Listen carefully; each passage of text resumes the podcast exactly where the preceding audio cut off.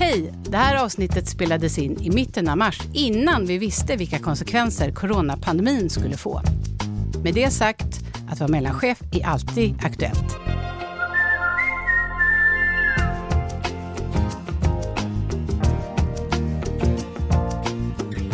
Ursäkta mig, jag ska på ett hackathon. Har du någon aning om vad det är? Och du, har du en kaffe? Den unga killen tittar på mig och jag förstår först inte vad han menar. Hur skulle jag kunna veta var det finns kaffe? Och varför frågar han mig? Det här hände mig för 12 år sedan när jag och en kvinnlig kollega skulle vara med i vårt första hackathon där vi under ett dygn skulle koda tillsammans med 100 andra programmerare, alla killar. Ett hackathon som vi för övrigt vann.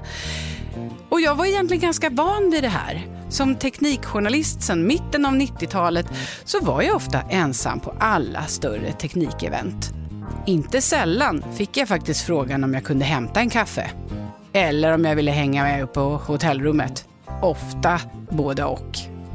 Techbranschen ligger oftast i framkant när det gäller teknikutveckling, nytänkande och innovation, men inte när det gäller jämställdhet. Branschen skriker efter kvinnor. Samtidigt har 42 procent av dem övervägt att lämna sektorn på grund av den mansdominerade kulturen, enligt en undersökning gjord av Women in Tech. Och det har sett ungefär likadant ut i decennier. Alla säger sig självklart jobba för en bättre representation i branschen, men ändå verkar lite hända när det kommer till jämlikhet och jämställdhet. Vad är problemet egentligen? Eller är det ens ett problem?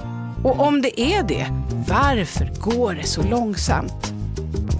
I det här avsnittet av oss mellanchefer emellan ska vi prata om kvinnor i techbranschen. Jag, jag heter Karin Adelsköld. Hej Åsa Broberg, du är utvecklingschef på ICA-gruppen och du är med nu via länk så här i virustider. Hej Karin, det stämmer bra.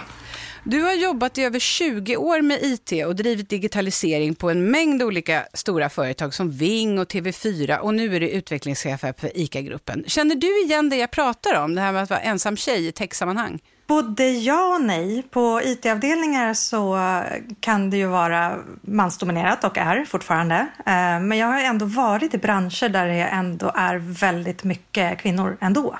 Mm. Eh, jag började min karriär i resebranschen där det är väldigt många kvinnor. Eh, eller där jag åtminstone upplever kulturen som lite mer eh, åt det, man kanske inte ska säga kvinnliga hållet, men feminina drag liksom, i företagskulturen. Så att när jag väl slutade på Ving efter 13 år där, då fick jag ju lite av en chock att det inte var så överallt. Att det, jag upplevde mer vassa armbågar och konkurrens på ett annat sätt på andra ställen. Så det har jag liksom försökt förvalta och ta med mig i mitt ledarskap. Eh, hur viktigt det är att, att liksom företagskulturen är rätt för att kvinnor ska trivas och vilja vara kvar. Jag som har bevakat det här med jämställdhet inom teknikbranschen länge, jag ser jag att vi har pratat om de här frågorna mer än någonsin och att vi gör det nu, men statistiken säger ju fortfarande något annat. Till exempel mm. så andelen kvinnliga vd inom IT-branschen har aldrig varit högre, men samtidigt minskar andelen kvinnor som jobbar i branschen totalt sett, enligt statistik från SCB. E Vad tror mm. du är problemet? Ja, men branschen växer ju och vi fyller antagligen på med fler killar än tjejer. Och det är ju för att vi har inte lika många tjejer på utbildningarna, på de tekniska utbildningarna idag. Titta på alla utbildningar i Sverige så är de alla utom teknik och natur tror jag, så är majoriteten kvinnor. Mm. Men just på de två så är det precis tvärtom. Leslie Slayton Brown som är Chief Diversity Officer på HP, hon har sagt så här, för varje procents ökning av mångfalden bland ett företags medarbetare ökar hela omsättningen med 3 procent. Så det finns pengar att tjäna på jämställdhet alltså. Ja, det finns det ju flera studier som visar att det leder till ökat affärsvärde att jämställda bolag har bättre resultat, så det tror jag verkligen på. Både när det gäller jämställdhet och mångfald, att det kan hjälpa oss att växa som bolag. Mm. Att omge sig med kvinnor och nätverka med andra kvinnor vittnar ju många om är jätteviktigt om man just är på en mansdominerad arbetsplats. Så nu ska vi bege oss till en konferens, närmare bestämt just Women in Tech, som i början av mars arrangerades för sjätte året i Stockholm. Och det är en tillställning med målsättningen att inspirera kvinnor att börja eller stanna kvar i techbranschen. Stora industrijättar möter små entreprenörer och 2500 personer från hela världen får en chans att nätverka och fira. Folk väller ut från svängdörrarna efter det sista talet på Women in Tech-konferensen. Nu är det mingel. Musiken dunkar på och bubbel hälls upp i hundratals glas. Stämningen är uppsluppen efter en dag med många känslor. Paulina Motlitba är programansvarig för Women in Tech för femte året i rad vi träffas i Green Room. För henne var det självklart att börja arbeta med Women in Tech. Jag har alltid drivit de här frågorna och det har jag gjort som privatperson. Liksom, och skrivit eh, krönikor i debattartiklar i ämnet och sådär om varför jämlikhet och mångfald är viktigt och sådär. Så jag har alltid varit aktivist på det viset. Eh, så det var väl på något vis självklart kanske att jag i början av Women in Tech skulle vara med på scen i någon form och så blev jag inbjuden igen som handlade om, om startups och investeringar. Och sen har det bara rullat på. Paulina har sedan 2014 arbetat som frilanskonsult med digital marknadsföring och som strateg. Även i det arbetet försöker hon implementera jämställdhetstänket. En av de sektorer som är mest rigida med manliga strukturer det är ju entreprenörer, startups, eh, startupstyrelser. Jag har själv jobbat på ett antal startups och där är det fortfarande så att det är främst män som startar de här bolagen. Det är främst män som investerar i dem. Så styrelserna som formas är en sammansättning av manliga grundare och manliga investerare. Och, och det här sitter så nästan helt omöjligt att rucka på. Liksom. Och det gör mig faktiskt tokig, det kan jag faktiskt säga, att det ser ut på det viset. För att det, där, alltså det här är ju, det är ju entreprenörer och människor som är vana att disrupta, omkullkasta idéer, eh, uppfinna helt nya saker och så kan de ändå inte disrupta idén om hur en styrelse ska, sammansättningen i styrelsen ska se ut, eller grundar teamet för den delen. Och liksom, jag vet hur många kvinnor det finns som älskar tech, som är otroligt spännande att lyssna på. Jag, jag för, för mig är det så um, ofattbart att världen ser ut som den gör. Men det sker ändå en förändring, om än långsamt. Det jobbar fler kvinnor på IT-kontor idag jämfört med för bara några år sedan. Även Women in Techs dagordning har förändrats för att fokusera på att hålla kvar de kvinnor som tagit sig in i branschen. I början pratade vi väldigt mycket om att vi kan locka fler kvinnor till techbranschen. Det är också ett jätteviktigt perspektiv såklart fortfarande. Men vi pratar också mycket om så här, vilken värld existerar man sen då som kvinna i när man väl jobbar i techbranschen och den är fortfarande väldigt liksom det finns mycket brokulturer, och inte minst startups och så vidare. Mycket subtilt eh, som är svårt att sätta ord på, liksom, som gör att man som kvinna och, och icke-binär känner sig exkluderad. Jag har också blivit duktigare på att liksom titta på siffrorna och inte bara prata magkänsla, vilket jag tycker är viktigt. Och det kanske hjälper att man kan visa siffror och att, att saker faktiskt gör skillnad. Att vi i vissa fall ser en positiv utveckling och hur fördelningen faktiskt ser ut och så vidare. Det här är ett arbete som man hela tiden måste upprätthålla för så fort man tittar bort så, bara, så tappar man några procentenheter i hur många kvinnor som söker till techutbildningar och så här. Det är liksom konstant eh, arbete på så otroligt många plan. En av besökarna och också även talare på årets konferens är Monica Martinsson.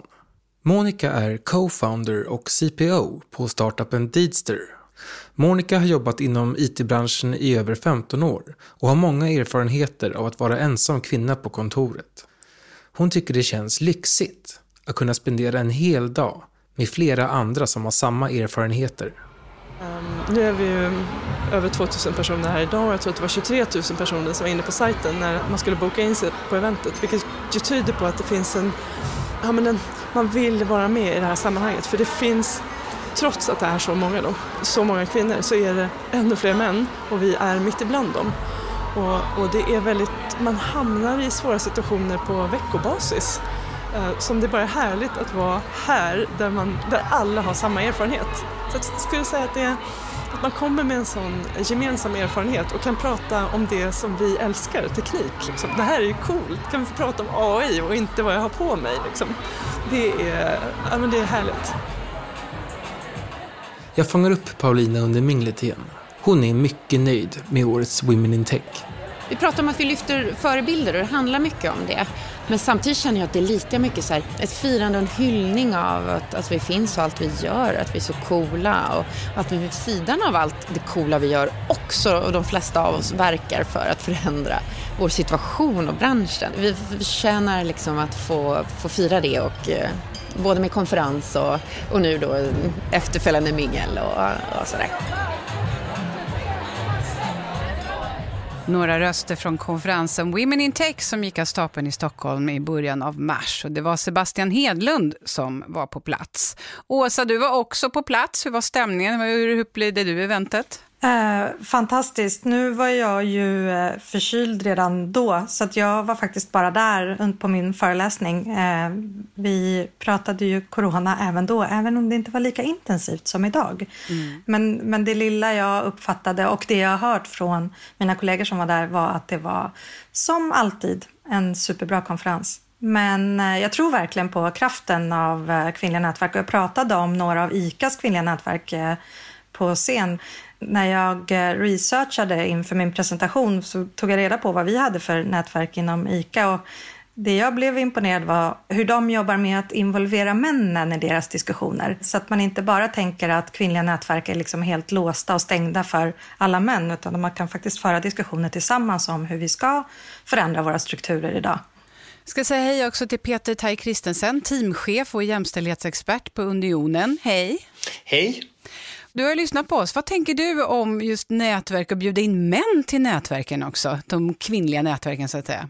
Eh, jag tänker att ansvaret för att uppnå jämställdhet är allas och därför är det också viktigt att alla på olika sätt bidrar till att vi kommer från nuläget till det önskade läget som är jämställdhet i arbetslivet. Så att engagera män och att bjuda in män att delta i samtalen tänker jag är någonting som är väldigt bra. Men att det också måste ske på, vad ska man säga, de redan befintliga nätverkens villkor. Så det handlar inte om att männen ska gå in och ta över ansvaret för arbetet utan mer att de ska komma in och ta sitt ansvar. Mm. Techbranschen som jag sa inledningsvis här, ligger ju ofta i framkant när det gäller teknikutveckling. Alltså man är van att tänka utanför boxen, det är innovationer, otroligt problemlösningsorienterat, liksom, men inte när det gäller jämställdhet vet. Varför inte, tror du? Ja, jag tror det handlar mycket om den kultur som har uppstått inom branschen. Det har väl funnits eh, ganska betydande inslag av grabbig kultur, grabbighet, eh, som kanske inte har varit så inkluderande och som inte har givit så bra förutsättningar för eh, jämställdhet. Jag tänker också det kan handla om hur man har jobbat tidigare. Om man har haft väldigt oregelbundna arbetstider så har det kanske varit en sån praktisk fråga. Det har varit svårt för eh, personer som också har andra ansvar i sin tillvaro att faktiskt kombinera eh, arbete arbete inom just den branschen med ett familjeansvar till exempel, eller ansvar för barn. Mm. Och om man tar ännu ett steg längre tillbaka så, så vet vi att många unga kvinnor inte upplever att tjejer uppmuntras till tekniska intressen. Och om det inte finns någon uppmuntran eller något stöd så är det klart att det blir svårt att uppnå den vad ska man säga, kvantitativa jämställdheten. Eh, och sen finns det som sagt också det, det kvalitativa spåret där när man väl har lyckats eh, rekrytera underrepresenterat kön att man då också måste leda och fördela arbetet på ett sätt som gör att man faktiskt kan hantera de här olikheterna.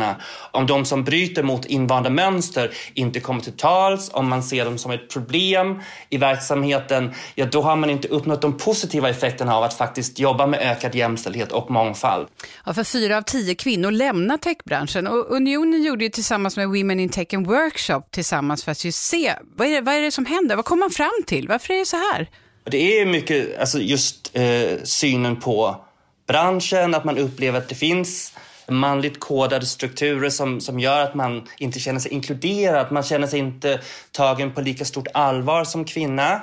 Det kan handla om olika mötessituationer där ja, men det gamla klassiska att man framför en idé, man får inget gehör eller ingen respons och sen är det en man som på samma möte framför samma idé och, och liksom den idén tas emot som om det är någonting helt nytt som ingen annan har tänkt eller, eller liksom tyckt förut. Och eh, på det sättet så osynliggör man den kompetens som, som kvinnorna bidrar med i verksamheten. Mm. Som bara ett exempel av flera.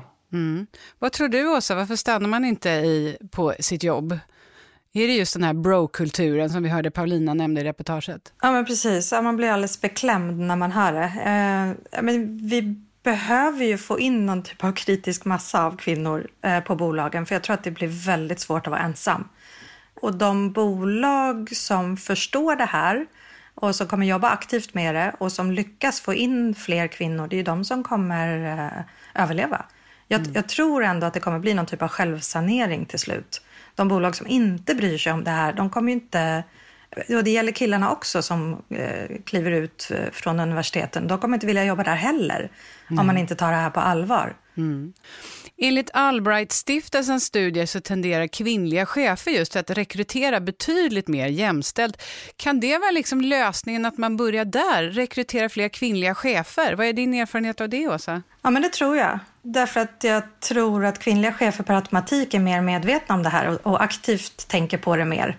Eh, just jämställdhet. Det blir på något vis som att om man avviker från normen så har man ju behövt reflektera kring det och då har man det med sig. Så det, det tror jag, det kan säkert ge ringar på, på vattnet. Jag kan säga så här, om man inte har en jämn könsfördelning bland cheferna så tycker jag alltid man ska eftersträva det. Man ska alltid jobba för att få en jämn könsfördelning på alla nivåer och det är ganska viktigt att man jobbar med eh, hur alla chefer rekryterar oavsett om de är kvinnor eller män. Alla måste ju rekrytera jämställt oavsett mm. vilket kön de tillhör. Mm.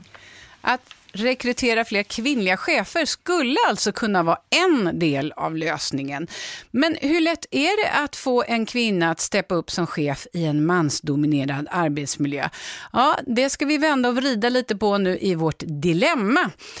Det är avsnitt i varje avsnitt eh, som handlar om just att utsätta, inom situationstecken, våran huvudgäst för ett problem som du nu i det här fallet, Åsa, ska få lösa. Och här har du förutsättningarna. Din anställda Amanda fick för en vecka sedan veta att hon har fått en ny tjänst som gruppchef på företagets webbavdelning. Hon tackade överlyckligt ja med en gång, men så fort det blev officiellt på jobbet så reagerade en manlig kollega kraftigt. Han hade nämligen också sökt tjänsten och var helt övertygad om att det var hans. Sedan dess har han gått runt och muttrat om kvotering och att han minsann kommer göra livet surt för Amanda om hon inte hoppar av. Så nu har Amanda fått kalla fötter och bokat in ett samtal med dig. Och här kommer Amanda. Hej. Hej Amanda. Hej Åsa. Ja, jag är inte lika glad som när vi pratade, vi pratade för några dagar sedan. Åh nej, vad har hänt? Ja, men jag har faktiskt bestämt mig för att tacka nej. Varför då? Jag blev så glad. Och det är ju verkligen något som jag har kämpat för så himla länge, att få det där jobbet. Liksom. Så jag bara känner mig... Ja, men för att säga rakt ut, alltså, det... alltså Bertil anser att han borde få jobbet och han sökte ju också. Och, jag, och när jag liksom kommer och träffar honom så är han helt, ja, alltså, helt avskyvärd. Han pikar mig personligen och säger att ja, men det är bara för att du är kvoterad. Jag vet inte vad jag ska svara på okay. det, för det, det, vill ju inte jag att det ska vara sant. Liksom. Men det är så det känns. Och det, det är inte bara han, utan jag har liksom fått flera kommentarer här nu. Det var verkligen tråkigt att höra. Jag känner mm. mig otroligt ledsen, men jag klarar faktiskt inte av den här situationen. Jag känner att eh, det tar för mycket kraft och energi att hela tiden få motståndet.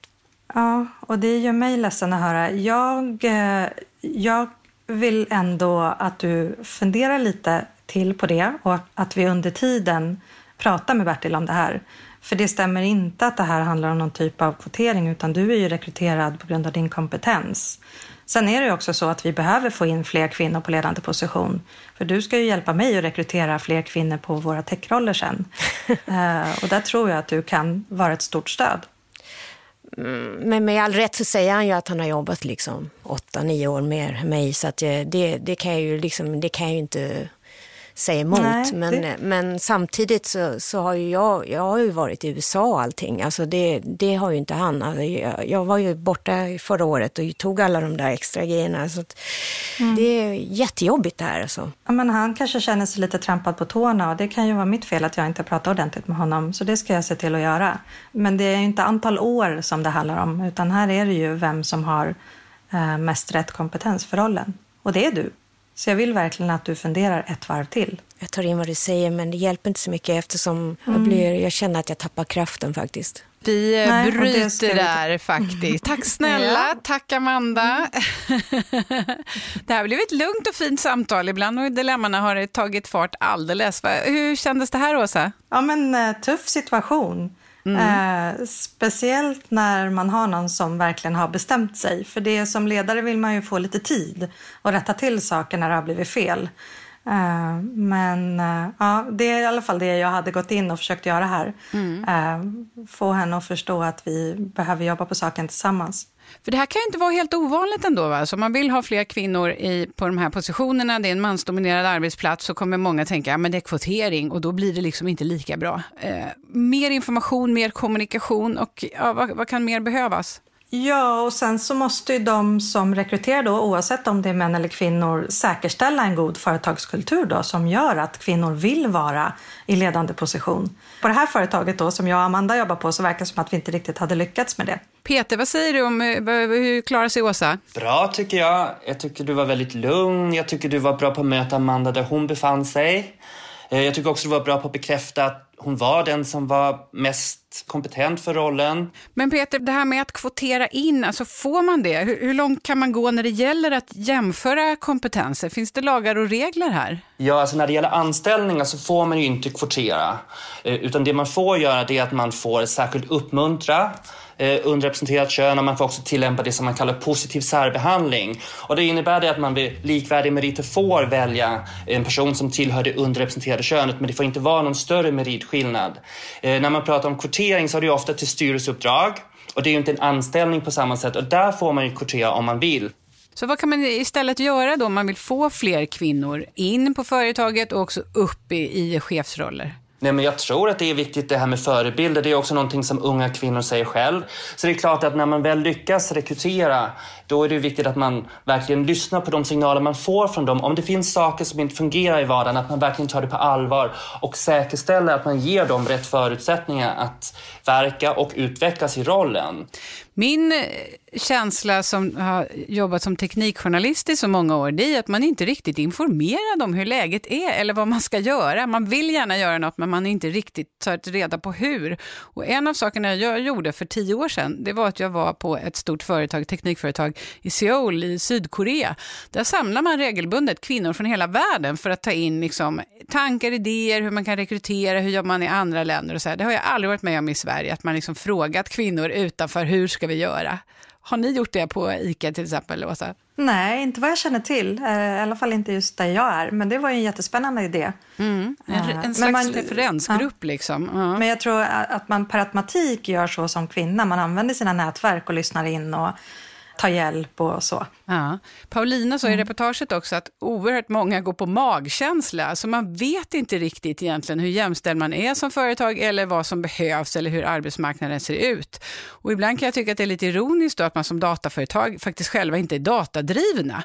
V vad säger du, hur informerade är folk om hur det ser ut faktiskt, på riktigt? Jag tror att det finns en viss medvetenhet om läget, men däremot så tror jag det är många som, som vad ska man säga, stirra sig lite blinda på yttre faktorer, sånt som man inte kan påverka. Att andelen kvinnor till exempel på, på utbildningarna är väldigt låg. Så hur ska vi lyckas med våra jämställdhetsmål om det inte finns liksom en grupp eh, av kompetens att rekrytera ifrån? Så jag tror att det är väldigt många som, som inser att problemet finns, men som inte anser att de själva sitter på lösningarna.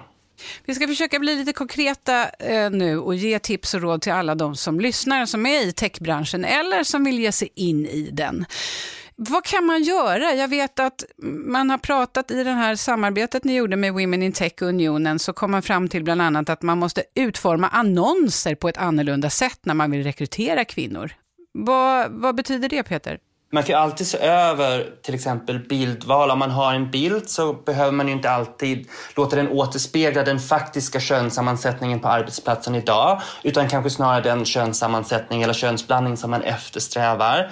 Det kan handla om markörer, om det finns någonting som är kodat på ett visst sätt som, som gör att det upplevs som att det främst riktar sig till män. Man kan också vara ganska explicit med att man särskilt välkomnar kvinnor. Man kan berätta om det arbete man genomför för inkludering så att den som eventuellt kan tänka söka ett jobb förstår att det här är en arbetsgivare, ett företag som menar allvar. Och Åsa, vad skulle du säga är viktigast för att nå jämställdhet inom techbranschen, om vi ska vara konkreta? Ja, men jag tror att alla företag måste göra en eh, ordentlig genomlysning och, och, titta på sig själva. Få lite självinsikt i hur, hur jämställda är vi egentligen? Vad har vi för förutsättningar för att rekrytera in fler kvinnor eh, på alla positioner? Eh, och sen ta fram en handlingsplan och visa upp den. Var transparenta. Mm. Eh, för att allt fler kommer vilja veta hur, hur ni jobbar med jämställdhet idag. Och I den handlingsplanen så skulle jag rekommendera att man bestämmer sig för att lyfta fram kvinnliga förebilder som vi var inne på innan och speciellt då vid rekrytering. Framförallt att ha med en kvinna vid de intervjuerna eh, och visa upp hur man jobbar med att öka jämställdheten. Tänker du själv på hur du är som förebild? För det är du ju. Ja, det tänker jag på. Kanske inte dagligen, men ja, jag försöker att tänka på hur jag är eh, mm. som både förebild och ledare. Ja. Mm. Och dessutom är du med här i Mellanchefer emellan och pratar om de här sakerna och det är ju riktigt bra förebild, så det är vi så tacksamma för. Och vill ni läsa mer av vad man kom fram till när Unionen och Women in Tech satte sig för att ta fram några konkreta punkter på vad man faktiskt kan göra som företag, då ska ni gå in och titta på getyourvoicesheard.com. Där hittar ni faktiskt riktigt bra konkreta råd. Tack snälla Åsa Broberg, utvecklingschef på ICA-gruppen och Peter Tai Kristensen som är teamchef och jämställdhetsexpert på Unionen. Tack för att ni var med. Tack, Tack. detsamma. Reporter på Women in Tech var Sebastian Hedlund. Amanda Oms spelade ifrågasatt tilltänkt mellanchef. Tekniker var Gustav Sondén, producent Andreas Wiklund och jag heter Karin Adelsköld. Mellanchefer emellan produceras av produktionsbolaget Filt Hinterland på uppdrag av Unionen. Och vill du veta mer om podden eller om Unionens medlemskap för chefer, besök unionen.se mellanchefer emellan. Och glöm inte prenumerera på Mellanchefer emellan i din poddspelare så du inte missar nästa avsnitt. Hej hej!